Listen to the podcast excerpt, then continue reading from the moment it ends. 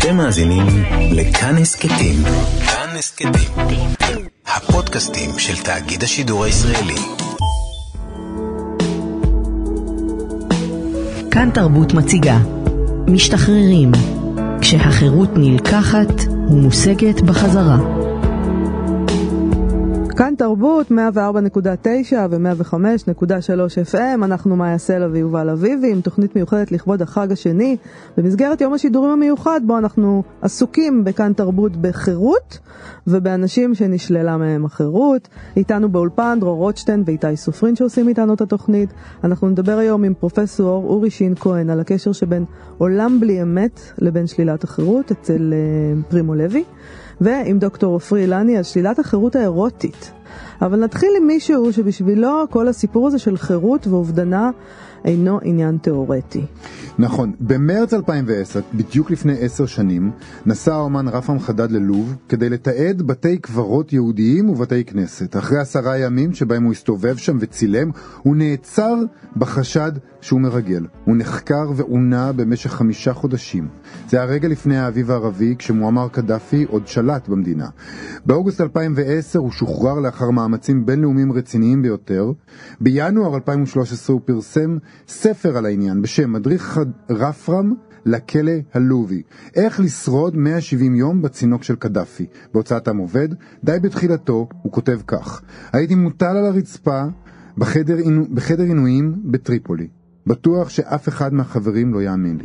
אני, ממש אני, נמצא על הרצפה עכשיו בתוך מתקן עינויים אי שם בטריפולי, אזוק מאחור, ואיזה פסיכי מרביץ לי עם מוט ברזל על כפות הרגליים. זה לא יכול לקרות לי. זה לא קורה באמת לאנשים שאנחנו מכירים. זה לא קורה לי עכשיו. זה רק חלום. אבל הכאב הזה מוחשי כל כך. שלום לרפם חדד. אנחנו, אה, כשאנחנו גם כן כאן בסוג של אה, עוצר, סגר, כל פעם משתמשים בכל מיני מילים, כולם נורא מתבכיינים ומקטרים על זה, ואוי אוי אוי, וכמה זה נורא להיות בסגר, וכמה זה נורא להיות בעוצר. יש להניח שאתה חווה את זה בצורה קצת אחרת, כאדם שחמישה חודשים ישב במתקני מעצר אה, עינויים בלוב. כן, כלומר העינויים עצמם היו רק 20 יום. אה, רק 20 יום, אוקיי. והשאר היה בידוד מוחלט, אה, ממש בידוד, בלי שום דבר. אה, אבל באמת, כל המצב הזה של בידוד או להיות לבד, כלומר, הוא לא באמת קיים עכשיו כמובן, כי הוא... כי אנחנו עדיין מלאים בהפרעות מבחוץ, אם זה אנשים, אינטרנט, whatever, כאילו יש מלא מלא דברים עכשיו עם הפרעות. דווקא יש ערך מאוד גבוה בלהיות לבד מאוד, ואז אפשר להתחיל באמת להקשיב, וזה הקשבה נדירה שלא, אני לא מתפלסף על זה, אבל פשוט זה משהו שקרה לי, ולא הייתה לי ברירה אלא לעשות את זה, וכשזה קורה זה די חוויה מדהימה, לא טובה או רעה, אלא מדהימה וחד פעמית. ספר, מה זה אומר? ספר אבל מה זה, מה זה הדבר הזה שאני אף פעם לא חוויתי בכלל של להיות, וגם יש גם את האלמנט שאתה לא יודע מה, זה, זה לא שאתה יודע שזה לחמישה חודשים, אין לך כן, מושג. כן, חוסר הוודאות הוא גם, הוא חלק מאוד מאוד חשוב בעניין הזה. כלומר, כמו אצלנו עכשיו, אני חושב, בזמן כן. הקורונה, זה גם יש איזה עניין של חוסר ודאות, שיש בו משהו מאוד, בעיניי לפחות, מאוד נדיר, ושאפשר, שעדיף אולי אה, לעבוד אותו בצורה אחרת, ולא לא בתוך מקום של חרדה, אלא במקום של אה, הזדמנות אולי חד פעמית.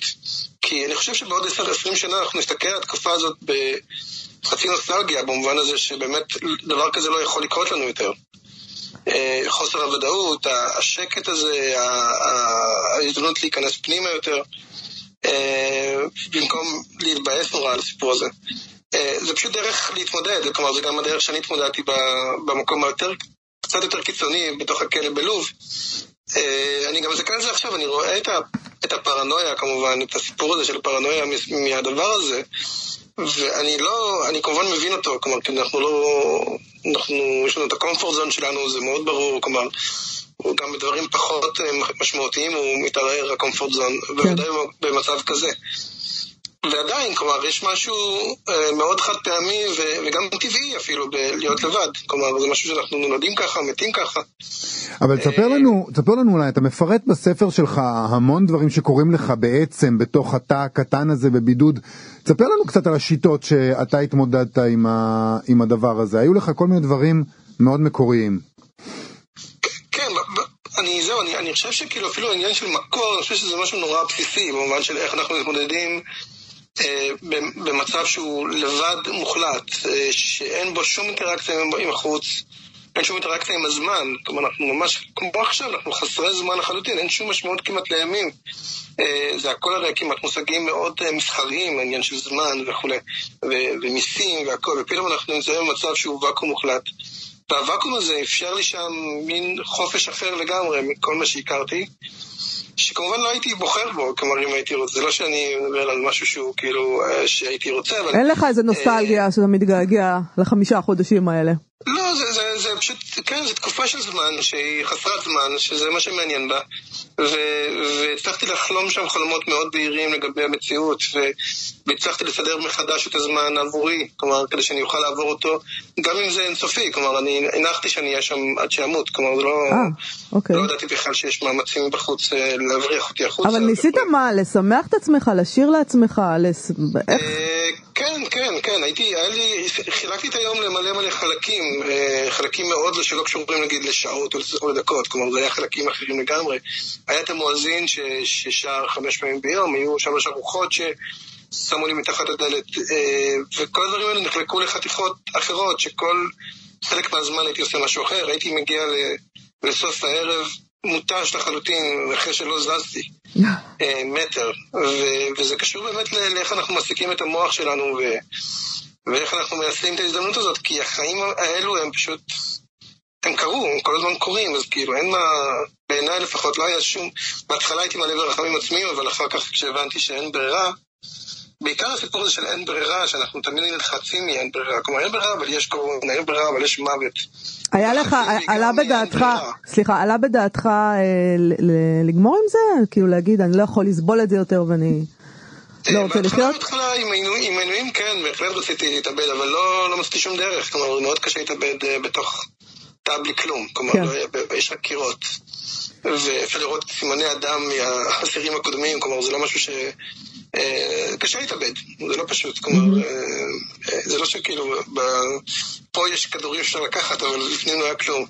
וברגע שהבנתי שהאופציה הזאת לא קיימת מבחינתי, או שהיא לא, לא נעימה מבחינתי, אז החלטתי פשוט לחיות את החיים כמו שהם, כלומר, גם אם הם כאלו.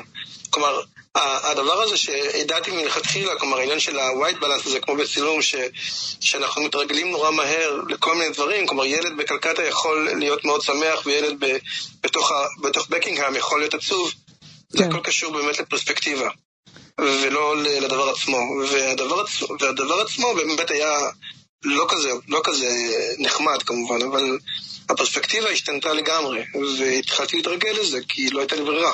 ואתה היום כשאתה במצב הזה זה לא גורם לך להסתכל על כל האחרים שמסביבך על כל העולם ולהגיד להם חבר'ה אין לכם מושג מכלום איזה זה דבש מה שיש לכם זה איזה כן כלומר זה אה, אני מדבר עם אנשים כמובן אני מנסה להרגיע קצת ו... אבל זה לא ברור לי שכל אחד בא עם המטען הנפשי שלו לכל סיטואציה גם הפחדים מכל מיני דברים, אה, אה, ברור לי, כלומר, אני לא, חיים לא חיים בתוך ואקום. ואקום זה כמעט פריבילגי, כלומר, חיים בתוך ואקום, הדבר הזה של בן אדם שעובר ליער וגר לבד וכולי, אנחנו חיים בתוך מערכת אחרת, גם כלכלית כמובן, שאנשים צריכים לשלם שכר דירה וצריכים עדיין לשלם על דברים שאומנם הזמן לא עובד, אבל הזמן עובד מאוד קשה נגד כולם. וברור, כלומר, חוסר הוודאות אני לא יכול הרי להטיף לאף אחד כמובן, אבל זה משהו שהוא באמת אה, קשור לאיך אנחנו בוחרים, בוחרים להסתכל על הזמן שלנו. האם כשישבת שם אה, בכלא אמרת לעצמך, אם אני אצא מפה אז אני אשנה את חיי ככה, אני אהיה כזה, אני אעשה ככה. היו לך כאלה מחשבות? אה, לי כמה דברים של אני אלך המון, כן, שאני אלך, כאילו, הייתי בתא של מטר שמונים כמעט, שכמעט בקושי שכבתי בו. כן. והלכתי המון בראש, ואני חושב שאפילו עד היום זה קורה, שאני הולך המון, שאני אוהב ללכת פשוט על החוף, וזה נורא כיף, ואני תמיד אמרתי לעצמי, למה אנשים לא אוהבים ללכת? כאילו, וזה משהו שהוא... אה, כאילו, זה, זה אולי הדבר היחיד בעצם ש...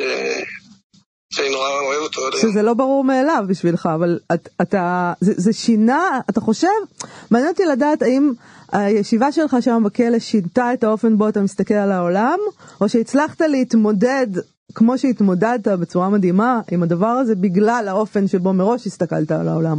אני חושב שמאוד הסתכלתי, אבל הייתי קצת, היה, אני אף פעם לא הבנתי שזה באמת נכון, האופן החשיבה האופטימי הזה. Mm. והכלא הזה שהוא אה, אולי אחת הנקודות הכי קשות שיכולות לקרות לאדם, כלומר שלילת החירות, עינויים ו, ו, וכל הדברים האלו, גרמו לי להבין שזו הייתה חשיבה נכונה. כלומר, למדתי שזה כן. אה, היו לי ספקות, גם לחברים היו ספקות תמיד, העניין שכאילו שאני אופטימי מדי, שאני רואה את העולם בצורה נורא מסוימת וכולי, אבל אה, כשהדבר הלא תלוי והנורא הזה קרה, זה הראה לי שזה, שזה דרך, שזה עוד דרך אה, בעצם לחיות את החיים. אנחנו עוסקים היום ביום השידורים הזה, אנחנו עוסקים בשלילת החירות, אבל אנחנו גם עוסקים כמובן ברגע שבו היא ניתנת לנו חזרה, ומן הסתם איך זה קרה שפתאום אה, יצאת לחופשי, ידעת את זה מראש, מה הרגשת, מה היה שם? האופן הטכני שבו זה קרה, בעצם הבריחו אותי החוצה, ועד לרגע שבו בעצם הייתי במטוס פרטי, ועד לרגע שבו יצאנו מהגבול האווירי של לוב, עוד הייתי בסכנת חיים, ש... שיורידו את המטוס. אה, לא שחררו אותך. לא, לא שוחררתי. אה. רגע, אתה, אתה היית מודע לעובדה הזאת שאתה בעצם לא, אה, לא מוברח? לא הייתי מודע לזה עד שלא הייתי בתוך המטוס, לא הבנתי מה קורה. חשבתי שזה... בהתחלה חשבתי שמעבירים אותי כלא, וכי לא, כי גם אנשי הכלא לא ידעו. והיו אפילו כלי נשק במטוס למקרה שהשומרים בכלא יתמרדו. כלומר, הם אה, הם יחליטו לא להעביר אותי למטוס. אני מבינה ממה אה, שקראתי בעיתונים שהיה מעורב בזה מרטין שלף ואביגדור ליברמן שהוא גם קיבל את פניך. כן, זה... כתוב המון דברים אבל כמובן שום דבר לא נכון. אה, אז סופר. אה, הם לא דיברו, אף אחד לא דיבר, כלומר לא התראיינתי אז בעיקר השתמשו בדמיון. הוברחתי, פשוט הוברחתי באמצעות מטוס פרטי. מי שיזם את הכל היה בן של קדאפי, סייף אל-אסלאם. mm. שהוא בעצם הבן אדם שיכול באמת להכניס מטוס לתוך לוב בלי שום הרבה בעיות. אה, ואחר כך הוא נכנס לבעיות כמובן עם אבא שלו, אבל הרגע הזה שבו הבנתי שאני חופשי, לקח לי קצת זמן, כלומר זה לא היה אפילו בתוך המטוס. אה, נכנסתי לשירותים ושם בעצם ראיתי את עצמי במראה, ואז הבנתי שאני יכול לשחרר פתאום את כל המטען הנפשי הזה שבניתי לעצמי בתוך הכלא.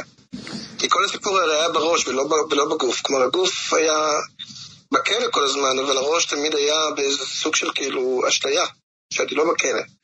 והייתי חייב לשחרר את זה חזרה, לכוון את הגוף עם, עם המחשבה. זה קרה לי בתוך, השירות, בתוך השירותים כשראיתי את עצמי פשוט. ש... ואתה, אז זה... הבנתי שאני בחוץ. זה לקח לך הרבה זמן אבל לחזור לעצמך? זאת אומרת אחרי, אוקיי, הגעת לארץ. לא, לקח לי ממש מעט זמן. באמת? זה יום, יומיים בערך. מה עם טראומה ולא יודעת מה, חלומות, סיוטים? אני בכלא, כאילו בכלא הבנתי שהטראומה... טראומה מגיעה, הפוסט-טראומה מגיעה אחרי טראומה, ואם אני אצליח לאבד את הימים האלו כמו חיים רגילים שהם לא טראומטיים, אז, אה, אז אני אצליח להתחמק מפוסט-טראומה. נורא חששתי מפוסט-טראומה.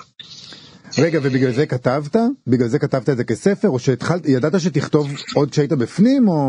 או... לא, לא, ממש לא. לא חשבתי בכלל שאני אצא מהכלא, לא, לא הייתה לי שום מחשבה כזאת. אני כתבתי איכשהו, לא יודע למה כתבתי באמת, אני ממש כתבתי את זה מהר גם. זה נורא מהר, ניסיתי גם לדמות איזה תנאים של בידוד, אה, כדי לכתוב את זה נורא מהר. כי ידעתי שלא היה לי כוח לשבת ולכתוב את כל, את כל הסיפור. גם כתבתי את זה כדי שפחות תדברו איתי על זה. אה, לכו תקראו, שיעזבו אותך בשקט. אה, גם לא התראיינתי חודשים ארוכים, אה, כדי שבאמת זה לא ידבק אליי. אה, למה אבל? למה? וזה אכן קרה, כלומר, אני לא, לא מזוהה עם הדבר הזה כל כך. אתה לא רוצה שיגידו, הנה ההוא שישב בכלא, וזה לא... כן, יש נטייה תמיד, כי אני עוסק באומנות, ותמיד יש נטייה לקטלג נורא מהר, כן. כאנשים שבעיקר לא מבינים, כלומר, אני לא עורך דין, או משהו במקצוע ברור במיוחד, אז כאילו, נשים יש נטייה לקטלג, והשבוי לשעבר הזה זה משהו שאני יודע שהוא ידבק... בטח בציבוריות הישראלית. אה, ובכלל המסחרית, הצהובה וכולי, כלומר, נורא רציתי לשמור על זה גם במובן של חופש, כלומר, כי זה גם סוג של חופש, העניין, העניין הזה של ההגדרות. אה, ואני יכול לצאת מכל כלא בעולם, אבל עדיין להיות בסוג של כאילו כלא, כלא שהוא מושגי וכולי, ולא רציתי את ה... להמשיך את זה לשם, אז אה, איכשהו זה עבד, זה הדבר באמת שעבד לי קצת, הסיפור הזה. שלא התראיינתי כל כך. אז אפרופו, אני רוצה לסיום, אפרופו חופש וחופש מהגדרות, אתה, אתה חי בתוניס, זאת הבחירה שלך בשנים האחרונות. זה קש... אתה חושב שיש קש... מה... יש קשר לזה שאתה לא פה אלא שם ל... ל... לחוויה שעברת או שאין קשר? לא, לא קשור לחוויה, זה קשור ל... אני, אני המון שנים גם לא בארץ, אני הייתי גם בגרמניה לפני, אבל זה ה... אני, אני בהחלט מחפש מקומות שכיף לחיות בהם, mm-hmm. שזה משהו שהוא נורא בסיסי בעיניי. המובן של כאילו לגור מול הים, להיות עם, לקחת אונייה, להגיע לסיציליה ולהסתובב פה באזור, וירקות טובים, ואנשים מחייכים, זה משהו שהוא נורא חשוב לי פשוט. ו... וזהו, וזה המקום, כלומר, זה... לא הייתי חי פה אם לא היה פה כיף, פשוט. אז אתה פשוט, זה פשוט מקום אה, ים תיכוני כיפי, אתה אומר. זה, זה הבחירה שלך. במקרה גם נולדתי פה, אבל כלומר, כן. לא אם הייתי נולד בסודאן, לא הייתי חוזר לסודאן. לא, אבל יש לך משפחה, זו בחירה יוצאת דופן, רפרם, בוא לא נתנהג כאילו... משפחה זה נחמד, אה, עד שלב מסוים, זה... אה, כאילו, אני חייבת להסכים עם הדבר הזה, ללא ספק. רפרם חדד, תודה רבה לך על השיחה הזאת. נזכיר שמי שרוצה יכול לקרוא את הכל, כולל הכל, במדריך רפרם לכלא עלובי, איך לשרוד 170 יום בצינוק של קדאפי. אופטימיות. מאוד מאוד אופטימי, כן. מדהים. אה, רק בריאות לך וחג חירות שמח. תודה, חג חירות שמח. להתראות. להתראות.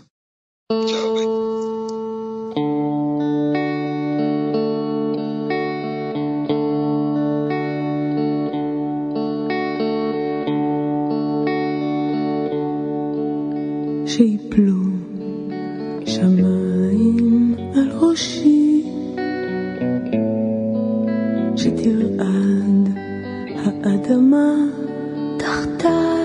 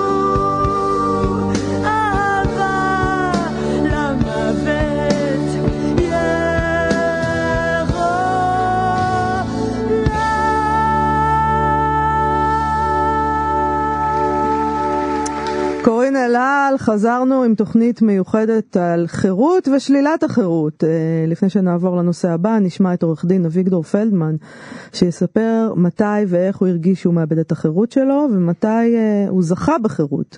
במהלך היום נשמיע כאן בתחנה כמה אנשי תרבות ורוח שמספרים לנו על איך נשללה מהם החירות ואיך הם הרוויחו אותה שוב. ותודה לאיש כאן תרבות, יונתן גת, שהביא וערך את הדברים. בואו נשמע את אביגדור פלדמן. הרגע שבו איבדתי את החירות שלי. בעניין אה, החירות אה, הפתאומית. מדובר אה, כשהייתי בגיל 10, 11 או משהו כזה. היו הוריי נוסעים בכל קיץ לנופש בצפת. אבי לא היה נשאר לעבוד. זו הייתה מסורת פולנית מוכרת מאוד. אה, בצפת אה, לא הגעתי אמנם לדרגת של אי חירות מקסימלית, אבל הייתי די מדוכדך, רחוק מהספרים, מהספרייה, מהחדר שלי. אה, אז לכן יום אחד עשיתי מעשה וברחתי. ברחתי מן הבית, עליתי על אוטובוס שנוסע מצפת לתל אביב, עוצר גם בחיפה, אנשים יורדים למנוחה, והגעתי הביתה, אבי היה בבית, הוא עבד, וכך שהיינו יחד תקופה מאוד אה, מאושרת אה, של אה, כמה ימים, הוא ואני. עד כאן לכאורה יכול היה להסתיים הסיפור, אבל הוא לא מסתיים. אחרי כמה שנים שהסיפור הזה היה מאוד חרוט בזיכרוני, וגם סיפרתי אותו אולי לכמה אנשים, פתאום אה, שאלתי את אימא שלי, שעוד הייתה בחיים וגם הייתה צלולה, אה, על הנסיעה הזו. היא אמרה, לא היו דברים מעולם, לא היה דבר כזה. אין סיכוי שאתה ברחת מצפת לתל אביב. שאלנו את אבא שלי, שכבר מצב בריאות פחות טוב, אבל גם הוא אמר בתוקף, לא היה דבר כזה. בעוד שהנסיעה הזו זכורה לי ממש פרט אחרי פרט, איך אני יוצא מהבית, מתגנב לאוטובוס ללא כרטיס, עוצר בחיפה, מתכופף בספסל האחורי, מגיע הביתה, וחש את החירות הבלתי רגילה של להיות רק עם אבא שלי אה, בבית, אה, לאכול את, אה, את התמשילים שלו, נקניקיות בדרך כלל. אז הסיפור נשאר בגדר לא ידוע, היה או לא היה. המצב השני גם הוא מצב אה, אה, יוצא דופן, אה, קצת. זה המצב של היעדר חירות אה, מוחלטת. וזה התרחש אה, כשהייתי מאוד חולה אה, במחלת הלגיונלה. אה, זה מין חיידק קצת דומה לקורונה במובן הזה שהוא מיד מתגלגל לריאות ומתחיל לאכול אותם לתיאבון. והייתי ממש ממש חולה, הייתי חסר חמצן לחלוטין, גם קצת יצאתי מדעתי. אחר כך ראיתי בטלפון שלי שניסיתי לקנות בלוני חמצן. ממקומות שמוכרים בלוני חמצן. ואז אשתי רונית אה, לא הייתה בבית, הייתה בחו"ל, חזרה, ראתה את מצבי, גררה אותי מיד אה, לבית החולים. בבית החולים מיד אה, הרדימו אותי והנשימו אותי. ואז הרדימו אותי אה, בחומר הרדמה שהוא גם בעצם אה, סם. והוא נקרא, שנייה אחת, אותו סם שמשתמש קטמין. קטמין, כן. קטמין שהוא סם הזיות, מעבר לכל. ובסם ההזיות הזה עברתי את חוויית אי החירות העמוקה, המוחלטת אה, ביותר. הייתי פשוט אה, באותן הזיות שהיו לי, הייתי מין עבד קטן למלכים גדולים, לאלים, שעשו בי כל מה שהם רצו. העבירו אותי מיד ליד, השקיעו אותי במים, העלו אותי מן המים. לאח הייתי מורדם כעשרה ימים. וכשהתעוררתי ועד עכשיו החלום או ההזיות או הסיוטים הללו חוזרים אליי. התוצאה, המסקנה לדעתי, גם החירות וגם אי החירות כולם מתרחשים רק בחלומות ובהזיות. ואתה כעורך דין, אתה מרגיש שעולם המשפט הוא עולם שכובל אותך? אתה מרגיש שכשאתה למשל כותב בעיתון הארץ, או שאתה, אה, אני יודע שאתה מאוד אוהב לראות קולנוע ולראות סדרות, שם אתה מרגיש את החופש שלך, או שלהפך, או דווקא כשאתה טוען לא. בבית משפט אתה מרגיש שחרור?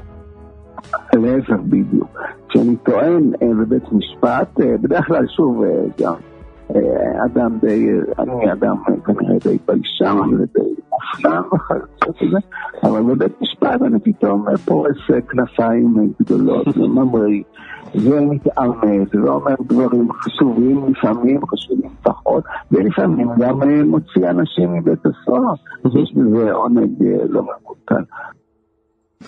תודה רבה ליונתן גת שהביא את הדברים של עורך דין אביגדור פלדמן. אנחנו עוברים לדבר, לדבר הבא. בספר הזהו אדם כותב פרימו לוי, האדם מאמין בכל הווייתו שלחיים יש מטרה.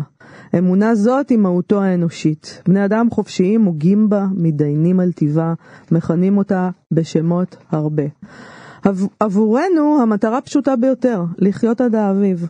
על דבר אחר איננו חושבים. למשימה הזאת בלבד מכוונים כרגע כל משאבי הנפש וכל תקוותינו. פרימו לוי, הכימאי, הסופר, יהודי איטלקי, ניצול שואה, עסק ביצירתו בשואה, אבל גם בשחרור מהמחנה ובחיים שאחרי. והאם בכלל אפשר לחזור לחירות, לתחושת חירות אחרי דבר כזה? איתנו פרופסור אורי שין כהן מהחוג לספרות באוניברסיטת תל אביב. שלום לך, פרופסור אורי שין כהן. שלום רב. אה, אני, מהי מהי החירות בשביל פרימו לוי? אה, אך תראי, זה תלוי איך חושבים על זה. החירות היא קודם כל לא להיות כלוא. אה, אני חושב שזאת החירות הראשונה. אחריה יש חירויות אחרות חשובות מאוד, שבהינתלן יש קורה הדבר שניטל את החירות הפיזית, אבל uh, המעצר והעינויים וזה הדבר שהחירות ממנו היא, היא הדבר החשוב ביותר, או הבסיס. זאת אומרת, אם, אה, אם, אם שואלים מה, אם יש איזה, מה המסר שיוצא מאושוויץ אה, מהבחינה הזאת, אז כן, שזה צריך להיות הבסיס להכל, למנוע את זה, את הדבר הזה. אבל גם כשהוא יוצא, תשמע, הוא כתב ספר שנקרא ההפוגה, שמדבר על אה, אחרי אה, השחרור. גם כשהוא יוצא זה רק הפוגה, זה עניין של זמן, זה לא הסוף, זה לא השחרור, זה הפוגה. כן, כן, אני חושב שאתה יודע, יש, יש באיטלקית, זה, זה, אה, יש איזה רגע ב"הזהו אדם" שטיפה קשה לתרגם אותו לעברית, שהוא אומר שנסונו deve tornare da qui a portare al eh, è bastato animo all'uomo di fare dall'uomo. אה, שזה, קשה מאוד לתרגם את זה כי זה, זה אומר שאף אחד חייב, אבל לא, חייב ולא צריך לחזור מכהן, להביא אל העולם את החדשה האיומה, עד כמה באושוויץ הייתה רוח באדם לעשות מהאדם. אה, אז זאת אומרת, ההפוגה היא רק, יש כל מיני מובנים להפוגה, אבל במובן הזה, הלאגר מחכה לכולנו, זאת אומרת, מתוקף כך שהוא היה, שאפשר היה שהוא יהיה, אה, הוא בהכרח נמצא שם אה, כל הזמן. לתמיד, זאת אומרת, זה, פתאום יש, זה, זה אופציה ש, שקיימת. מרגע שזה היה, זה נמצא. בהכרח. כן, אה, זה הכרח, אוקיי. כן, זה הכרח, זה כמו, תראי, זה כמו לייבוביץ' והשב"כ והאמצעים וכולי, רואים את זה, זה ברגע שזה קיים, זה, ק- זה, אי, אי אפשר לבטל את הדברים האלה מהקיום. זאת אומרת, אה, המחיצות הן, אה, אה, את יודעת, אין חומה שלא נופלת, כולל החומות האלה. אז אתה חושב שבסופו של דבר הוא עצמו זכה בחירותו מחדש, או שבעצם בעצם הוא הבין שזה לא קורה לעולם? לא, אני, אני לא חושב ש... אתה יודע, אי אפשר לומר את זה, בוודאי שהוא, הוא, ברגע שנפתחו השערים, אז הוא, הוא זכה בחירותו, בוודאי, הוא היה אסיר תודה לסובייטים בתקופה, אתה יודע, בתקופה שזה היה עניין מאוד פוליטי, כאילו לרוסיה, זה היה, זה היה מאוד אישי כמעט, העניין הזה, וגם מאוד פוליטי באיטליה של, של המלחמה. אה, הקרה. אז אה, אני חושב, אתה יודע, במובן, ה... במובן הפשוט, כן, בוודאי שהוא זכה בחירות. העולם לא זכה בחירותו, כי הוא לא בא חשבון עם המאסר של, עם מה שקרה לבני האדם, ולאיך שאנחנו, אה, מה זה אומר על איך שאנחנו חיים ביחד. זאת אומרת, הוא, הוא אישית, או אתה יודע, ו, אה, זאת אומרת, שהפליטים הם עכשיו לא, אנחנו לא אומר שהם לא שם. אה, והמקומות שבהם אוסרים אותם, ואיך אוסרים, אתה יודע, וכן הלאה וכן הלאה, זאת אומרת, זה יכול להיות לאגר של מישהו אחר, אבל כמו בעולם אה, אה, צריך להטריד את כולנו באותה מידה. אם היינו לומדים, כמו שהוא אומר בפתח הספר, הרהרו היטב שכל זה היה, ואם לא תערערו, אז אה, אה, הילדים שלכם לא, לא יסתכלו לכם בעיניים. אבל, אבל זה, זה, זה, זה מעניין כי יש עכשיו איזה מין דיבור ניו אייג'י כזה על מה יהיה אחרי הקורונה. ואז יש אנשים שאומרים אחרי הקורונה כולנו נהיה אנשים יותר טובים. והתשובה היא אה, לפי פרימו לוי אה, ואני חייבת להגיד שאני מסכימה אה, בצניעות אה, כן אתם לא תהיו אנחנו לא נהיה אנשים יותר טובים. אה, כלומר לא נהיינו האנשים הכי יותר טובים אחרי אושוויץ אז מה. כן, אני, את, את, אני, אני לא יודע, אני לא יודע, אני, אני חושב שמעצמו שום דבר לא קורה, אה, בוודאי לא דברים שכאלה. אה, זאת עבודת התרבות, אני חושב, אה, אה, היא להפוך את הדבר הזה, זה לא יקרה, זה לא יקרה מה, מהמגפה ולא מאיך שיטפלו בה ולא מה, זאת אומרת, אם נלמד, האם עכשיו שכולנו נהיה במובן זה או אחר שורדים של המגפה, נבין אחרת את מה שהשורד הזה אמר לנו?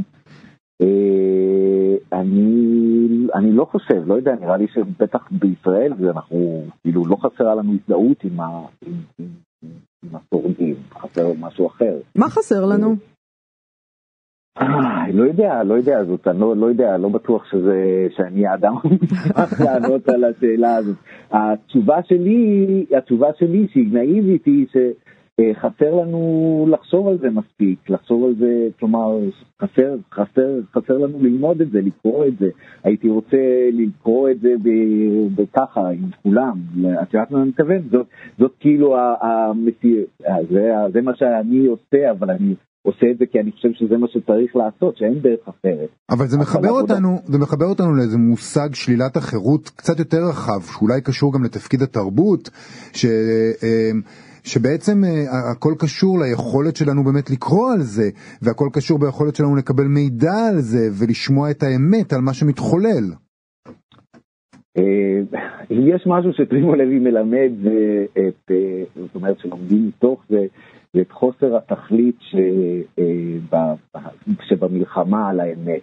נאמר ככה, נאמר דבר כזה, רעיונות חלשים אוסרים מלחמה על האמת משום שהם חלשים, אז הם לא יכולים להתמודד עם האמת והמציאות, אה, והאמת שעולה מתוך המציאות. אנחנו חיים ברגע כזה של שבר, אה, זה, זה, זה ברור, זאת אומרת שבר של מערכות אמונה אל מול עובדות קשיחות שאי אפשר, אפשר להתווכח איתן.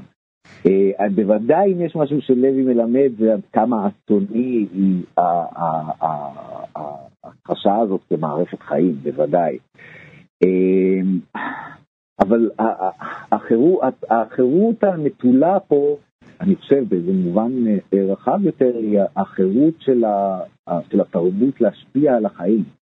זאת אומרת, ברגע, ש, אה, אה, אין, ברגע שהדיון הוא, ריק, אין לו קשב ואין אין, אין, אין, אין, איזה, מנג, אין איזה מעבר ממה שאנשים חושבים לאיך שהעולם שלהם מתנהל, אז זה, זה, זה, זה, זה, זה, זה, זה מובן אמיתי של שלילת חירות שהוא לא חייב לבוא עם צנזורה, זאת אומרת, אנחנו, ה, ה, ה, במובן הזה שכל המידעים מיותרים זה גרוע כמו כל המידעים אסורים אה, באיזה מובן כזה, או לפחות במובן של התחושת חיים של, של אנשים ב, ב, בעולם, ש, שיש טעם למה שהם עושים וחושבים, ודברים גם אם עכשיו הם ככה, הם יכולים להיות אחרת, זאת אומרת, התקווה הזאת היא, היא תקווה שהיא מיסודות החירות, או אולי החירות העמוקה ביותר. אבל זה נשמע כמעט. פרדוקסלי שאפשר בכלל לעשות את זה, התרבות יכולה לעשות את זה במצב כמו שאנחנו נמצאים עכשיו, או יותר לא. גרוע במצב כמו שפרימו לוי נמצא בו. לא, לא, זה במצב שאנחנו, יש, יש מצב שבו הרופאים, צריך לתת לרופאים לעשות את שלהם. כן, בוא נחכה, כן. זאת אומרת, להבדיל מכל מיני אחרים, אני מבין בספרות, אני לא, אין לי שום טענה לטעון, אין לי שום טענה אחרת, ואני לא, לא הייתי מע- מעז גם. או, זאת אומרת, מגבלות הידע, חשוב להכיר בהן, נראה לי. אבל עדיין כל הדבר הרפואי הזה מתרחש בתוך מסגרת משמעות, ומסגרת המשמעות הזאת היא הנושא של התרבות, היא הת- התרבות היא ש, שיוצרת אותה, זאת אומרת, הרי אנחנו חיים עם סכנות מכל מיני סוגים כל הזמן, ובוודאי אה, יש פה שאלות נרטיביות, אה, השאלות המרכזיות הן בסוף נרטיביות, זאת אומרת איפה אנחנו, ממק... איך, באיזה סיפור אנחנו מספרים לעצמנו במהלך הפעולות שהן לחלוטין אה, נתונות בידי אנשים שמבינים בהן, זאת אומרת רופאים וכולי, אבל בוודאי גם רואים איזה ערך מייחסים לכל דבר, זאת אומרת באיזה קלות, עד כמה, מי אנחנו בעיני אלה השולטים בנו, גם זה מתבטא באופן שבו המשבר הלחלוטין אובייקטיבי הזה מסופר. אה, אה, בתוכנו. התרבות עוד לא, לא יודע, עוד לא התחילה נראה לי לדבר על זה, כן. אני רוצה לחזור uh, ולסיים עם זה גם, uh, כי אני, חושבת שאם אנחנו מדברים על חירות uh, ושלילת חירות, אי אפשר להתעלם מהאופן שבו פרימו לוי סיים את חייו. ככל הנראה התאבד, ו, ו, וזה גם סוג של חירות, ההחלטה הזאת. כן, יש איזה, לא, איך קראו להם, אלה עם האקזיסטנציאליזם, לא? אלה, כן, האקזיסטנציאליסטים, הם. או לא, אבל לא רק הם, זאת אומרת, אה, אה, אני, לי יש, לי יש, בוודאי שיש שם איזה, איזה מעשה של חירות, אה, ויש בכל המעשה דחייה של, של משהו בעולם, אי אפשר להתעלם מזה. ההשקפה האישית שלי שלוי עשה, הוא עשה איתנו חסד במובן הזה, והוא השאיר אותנו עם דבר פתוח ולא פתור. זה מאוד נדיב מבחינתו. חסד במובן הזה שאנחנו לא בטוחים שהוא יתאבד, אתה מתכוון? כן, אני אה, חושב שאם הוא אוקיי. היה רוצה שנהיה בטוחים, הוא היה יודע איך לעשות את זה טוב יותר. כן, כן, כזה. מעניין. אה, ואני חושב שהוא עושה איתנו חסד, כי זה משאיר תקווה גם במקום שאולי הוא איבד אותה. אה, אה, אבל אני חושב שיש הרבה מאוד סימנים לכך שהוא איבד את התקווה אה, לכך שהעולם באמת למד את מה שראוי היה ללמוד ממה שהוא עצמו ראה וחווה. וגם אם הדבר הזה לא, יצא, לא נסב שוב על הראש שלו, הוא ראה את זה, הוא ראה ראשים אחרים נכפפים לדברים דומים הרבה יותר מדי למה שהוא ראה, ואני חושב שהדבר הזה יש אותו מאוד לעומק, ככה אני חושב.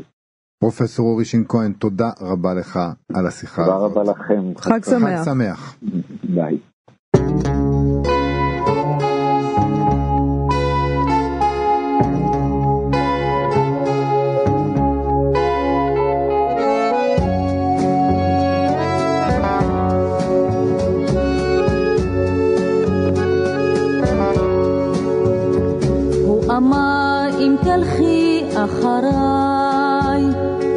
קטיפה תלבשי ולא מישי, יהיה מר עד בלי כוח אולי.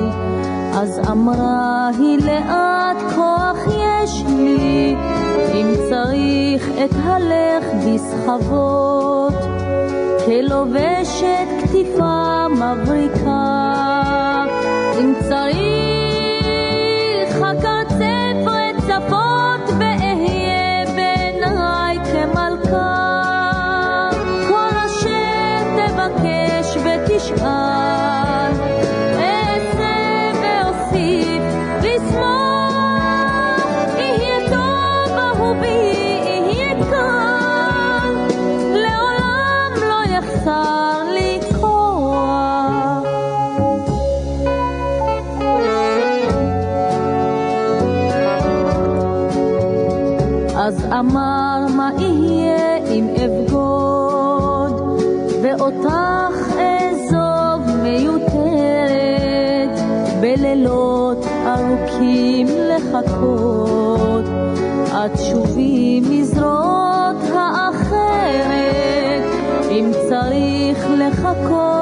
אחכה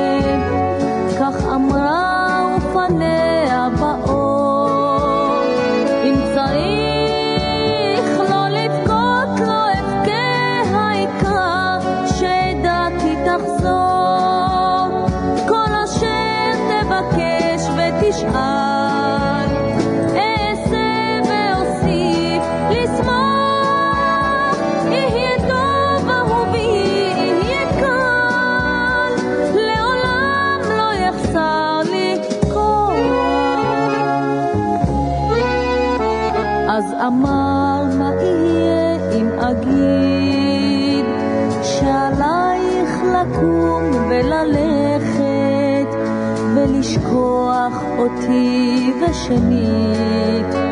לא לשוב כי לרחוב את מושלכת כי רק רגע שתקה בת חייך. אז דיברה ופניה כחור אם תאמר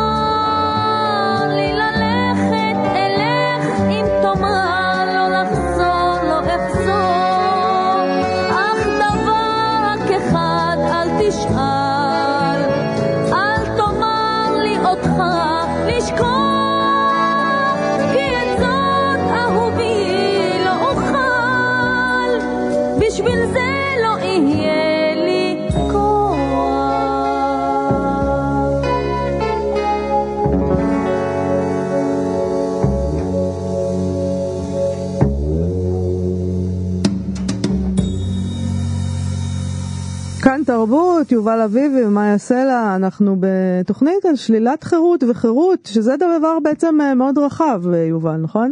נכון, שלילת חירות היא דבר רחב מאוד, אנחנו חושבים היום על סגר, אנחנו חושבים על כלא, אבל יש עוד סוגים של שלילת חירות, למשל דיכוי מיני, והאמת היא שבמערב בעצם כולנו סובלים אה, מדיכוי מיני א', שאנחנו חושבים שאנחנו מאוד חופשיים. רובנו, רובנו. אני חושבת שג'ו אקזוטיק אולי לא סבל מזה, יכול- אבל אם ראית את חיות רעות... יכול להיות שג'ו אקזוטיק ספציפית הוא דוגמה יוצאת דופן לבן אדם משוחרר מינית אנשים גם שחיים במערב. בשוליים, באיזה קוויריות של שוליים, אולי הם לא סובלים, אבל, אבל בוא נשאל, רגע, יש לנו, יש בוא לנו נבדוק. מומחה, יש לנו מומחה. נכון. דוקטור עופרי אילני, אה, היסטוריון ממכון ון ליר, עוסק בהיסטוריה של המיניות. שלום, דוקטור עופרי אילני.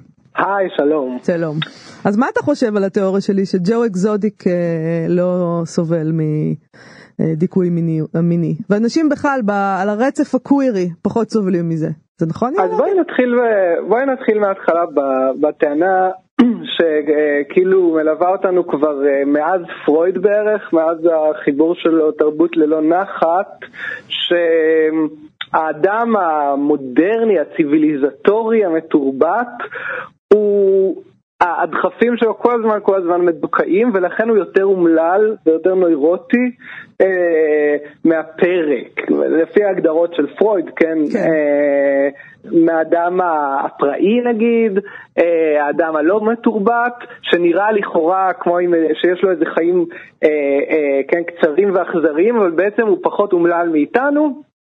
כי הוא הרבה פחות מדכא את הדחפים שלו, כן? אוקיי. וסביב זה באמת היו, כאילו, ל- ל- לשאלה הזאת, האם זה באמת ככה ומה אפשר לעשות עם זה, אה, היה כאילו מסורת ארוכה של דיונים אה, במאה השנה האחרונה, אבל לגבי ג'ו אקזוטיק, אני אגיד לך משהו כזה. כן. אה, אני חושב שבמעגלים אה, קווירים וכל מיני אה, צורות אה, חדשניות כאלה, כן, של אה, אה, מיניות, כן, אה, כאילו רדיקליות וכן הלאה, יש לא פחות דיכוי. אה, ולא פחות משטור, אה, פשוט הוא נעשה באופן אחר. אנשים מבחינות מסוימות אה, ששייכים לתרבויות כאלה, אה, למעגלים כאלה, אה, עוסקים הרבה הרבה יותר אפילו מאחרים בכל הזמן בבקרה עצמית, בלשאול את עצמם על העונג שלהם, על איך הם מפיקים עונג, על, על כל מיני פרקטיקות, וזה הופך לפעמים למשהו מאוד מאוד מאוד אה, שיטתי, שבעצם יש בו לא פחות דיכוי. כן? אני לא בטוח לגביו ספציפית, לא בדקתי את זה, כן? אבל לא תמיד צריך להאמין שהאנשים האלה שלכאורה חיים באיזה צורה שהיא לא נטולה לכל מיני מגבלות שהחברה המיינסטרימית מקבלת על עצמה, הם, אה, הם באמת פחות אומללים. אז יכול להיות שגם הטענה המקורית של פרויד שאומרת שהפראים כלשונו אה, הם יותר מאושרים כי אין להם את הבעיות האלה, גם היא אולי לא כל כך אה, כי הם לא מדויקת. נוירוטים, כן. הם לא נוירוטים, אני לא יודע איך מודדים את כן, זה. אז, אז בהחלט יש הרבה, זה, זה היה נתון להמון המון ביקורת ויש בזה בהכרח אידיאליזציה וראייה של הפרק כאיזשהו יצור, כן, נטול היסטוריה שבעצם כאילו אין לו איזושהי תרבות משלו אלא, אלא אה, אה, הוא, הוא רק חי באיזו צורה אותנטית וטהורה שזה באמת לא ככה, אין בסך הכל גם דבר כזה פרא, אבל מה שכן אפשר להגיד זה ש... היו אנשים אחרי פרויד, כמו למשל אה, פסיכואנליטיקאי אחר, וילהלם רייך, שהיה כאילו יותר פרוע ממנו, גם יותר רדיקלי, אחר כך אה, הוא היה קרוב לפרויד בהתחלה ואז רב איתו, שטען שבאמת השחרור, גם הפוליטי, של האדם המודרני צריך להתחיל מההסרה של הדיכוי, של הדחפים, של הדיכוי המיני. והוא שאב השראה מכל מיני uh, דיווחים של uh, אתנוגרפים, של כל מיני אנתרופולוגים שהיו באותו זמן באיי האוקיינוס השקט, שבאמת ראו שם את הילידים וטענו uh, שהם uh, נטולי נוירוזות, כן? שאין שם uh, דיכוי מיני ולכן אין להם נוירוזות, אין להם בעיות כמו שיש לנו, אה, ודרך אגב הם טענו שהם גם לא חולמים. למה? כי חלום זה הגשמת uh, משאלה, uh, הגשמת משאלה שהיא בעצם אירוטית, ואם הם לא מדוכאים מבחינה אירוטית אז הם לא צריכים לחלום. כן. כן, כן רגע, אבל איך הם, אני לא מבינה, הם, הם לא שוחחו איתם לפני שהם סיפרו את כל הסיפורים האלה? אז יש הרבה שאלות של, של תיווך תרבותי, אם אתה בא עם איזושהי תיאוריה מראש, אתה תמצא בדרך כלל את מה שאתה רוצה, וזה כן. נכון גם עד היום. כן? אבל אתה יודע, אנחנו, אנחנו עם התיאוריה הזאת באמת אפשר להתווכח. להתווכח ויש שלל בטח אה, אה, פערים וחורים בדבר המושלם הזה שהם תיארו, אבל אני חושב שזה כן נכון שאפשר להגיד שבמובן מסוים כולנו נמצאים באיזה סוג של אה, שלילת חירות, כי הרי לא כולנו יכולים להתנהג בצורה מינית כפי שאנחנו רוצים, כולנו היינו, יכול להיות שלכל אחד מאיתנו יש מאוויים שהוא לא, אה, שהוא לא פועל לפיהם, וזה בהחלט מדכא, זה לא נעים אה, להיות צריך כל הזמן לחשוב, אוקיי, את זה אני לא יכול לעשות עכשיו פה מול כולם. ברור, ויותר מזה, אני חושב שכן אפשר לקבל את ה... אה, את הספק הזה בכך שאנחנו באמת כל כך יותר משוחררים אה, אה, ולשים לב שמבחינה מסוימת גם בעיר הגדולה, כן, גם החברה הכי ליברלית, יש בה בעצם המון המון הגבלות, היא כל הזמן יוצרת המון המון הגבלות, אה, וזה לא בהכרח הולך כמו שאנחנו רוצים לחשוב, שאנחנו הכי משוחררים, ואנשים מכל מיני חברות היסטוריות או פרימיטיביות הם היו מסכנים, כן, מהבחינה הזאת. זה לא בהכרח הולך ככה. עכשיו, עוד דבר שאנשים כמו וילן רייך עשו, הם קישרו את זה באמת לפוליטיקה, והם טענו שכאילו המהפכה יכולה לבוא רק עם השחרור המיני. הם למשל אמרו, שמתי המהפכה הבולשביקית בגדה ופנתה ונעשתה דכאנית? בדיוק בזמן שהתחילה אה, אה, לדכא גם את החופש המיני ו- ודברים כמו הומוסקסואליות, ולא אצל וילן רייך אבל אצל אחרים, ו- ושללה את הפסיכואנליזה וכן הלאה, והם יצרו את הקישור הזה, וזה היה מאוד מאוד חזק בשנות ה-60 וה-70 עם המהפכה המינית. כל הקישור הזה בין אהבה חופשית לבין להתנגד לווייטנאם וכן הלאה, אבל זה מאוד מאוד לא התקופה שלנו. לא. אנחנו כאילו, עופרי, אנחנו באיזה רגרסיה מהדבר הזה שחשבו בשנות ה-60, השחרור המיני וכל הדבר הזה, בעצם אנחנו לא לקחנו את זה. אז אני אגיד לך, אה, יצא עכשיו ספר מעניין של אה, אווה אילוז הסוציולוגית, סופה של אהבה, והיא טוענת בו טענה מאוד מעניינת, שזה יצא בדיוק על סף הקורונה, אז אולי קצת לא שמו לב לזה, ואני מקווה שעוד ידונו בזה, שהמשמעות של שחרור מיני בתקופה שלנו הפכה להיות אה, שחרור ממין. כן? 아, אה, או יותר נכון. החופש החופש להפסיק את, ה, את האהבה, את הקשר, את המין, כן? Mm-hmm. שיש לומר, זה באמת דבר מאוד חשוב, כן? אבל צריך לשים לב שזאת בעצם הגדרה מאוד מאוד שונה מאיך שתפסו בסיקסטיז את המשמעות של, אה, של שחרור מיני, שזה כאילו לעשות אהבה עם... אה, בכמה שיותר צורות, עם כמה שיותר פרטנרים וכן הלאה. אבל יכול להיות שהדבר הזה, השחרור המיני הזה, הניסיון הדי קצר שלנו בשחרור מיני מסוים, גם צריך להגיד, לא קיבלו הכל. כמובן. אה, כן. די, אה, אתה יודע, די אה, backfired כמו שאומרים, זה לא עבד כל כך טוב, וכשאנחנו מנסים לחשוב על שחרור מיני בצורה מוחלטת, אני לא יודע אם זה עולם שאני הייתי מסוגל להסתובב בו אה, כל כך רגוע. למה? יובל? יש אה, שלל סטיות שם, מאיה, ש... סטיות? וואו, ש... אוקיי. עופרי, כן. שאני איני יכול אה, להסכים עימה. לא, אז בהחלט, השחרור המיני הזה שאנשים כמו וילן רייך דיברו עליו, וגם בסיקסטיז, אה, היה בעיקר שחרור מיני של גברים בסופו של דבר, כן? לא רק, אבל בעיקר. כן? ודרך אגב, גם לגבי אה, הומואים, לסביות, זה לא כל כך לקח בחשבון. אה, אה, וילם רייך ראה בכלל בהומוסקסואליות איזשהו תסביך, ש, שאם אה, נהיה- נחיה כמו הפראים, אז זה לא יופיע בכלל, לא תהיה הומוסקסואליות, כן? אצלם לטענתו לא היה, כן? זאת אומרת, זה, זה חלק מהנוירוטיות של האדם המודרני, כן? אז הרבה מהדברים שאנחנו מסתכלים היום על אה, האידיאל הזה של האיפים אה, בשנות ה-60 וכל מיני אה, וריאציות שהם באירופה, חלק מהדברים באמת יכולים להיראות לנו די נוראים עכשיו, כן? אה, אנחנו פיתחנו רגישויות אחרות, אבל זאת כמובן שאלה של איזון, בהחלט ייתכן שאנחנו הלכנו לקיצוניות אה, מאוד מאוד גדולה לכיוון השני. כן, כי מה שאתה אומר, עם, אה, זה נכון, מה שאילוז אתה אומר שהיא אומרת, וזה מה שאומרים לנו על המילניאלס, שהם בכלל לא בעניין של סקס ושל כל הדבר הזה, זה לא מעניין אותם יותר.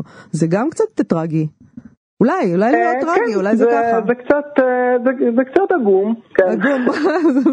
אני לא מקנאה בהם בוא נגיד, אני שמחה שאני מאיפה שאני. אני משתדל, אה, אני יודע, אני משתדל גם לא לנהל להם את, העניין של המיניות ולבדוק בדיוק כמה פעמים הם עשו סקס כל יום, כן? זאת אומרת, זה נראה לי עוד איזה תחביב שקצת התפתח ב- נכון. בשנים האחרונות, אבל זה כמו לרחל, המילניאלס עופרי, זה כיף, זה כמו לרחל, פשוט. אה, נכון, נכון. כל דור, כן. כל דור כנראה בוחר לעצמו את שלילת החירות המינית שמתאימה לו. כל אחד עושה את זה אחרת. אנחנו לא יכולים אה, לבוא בטענות אל דור שעושה את זה בדרך ששונה לחלוטין מהדרך שלנו, שהיא כמובן הדרך הנכונה. דוקטור עופרי אילני, תודה רבה לך על תודה השיחה לכם הזאת. וחג שמח. חג שמח. להתראות. זה זמננו אה, להיפרד אה, נכון. להיום אמת. בעצם, אחרינו ממשיך יום השידורים המיוחד הזה של כאן תרבות שעוסק כולו בשלילת החירות באופניה השונים. אנחנו נגיד שוב תודה לאיתי סופרין ולדרור רוטשטיין שעשו איתנו את התוכנית הזאת ונאחל לכם חג שמח ובריא. להתראות.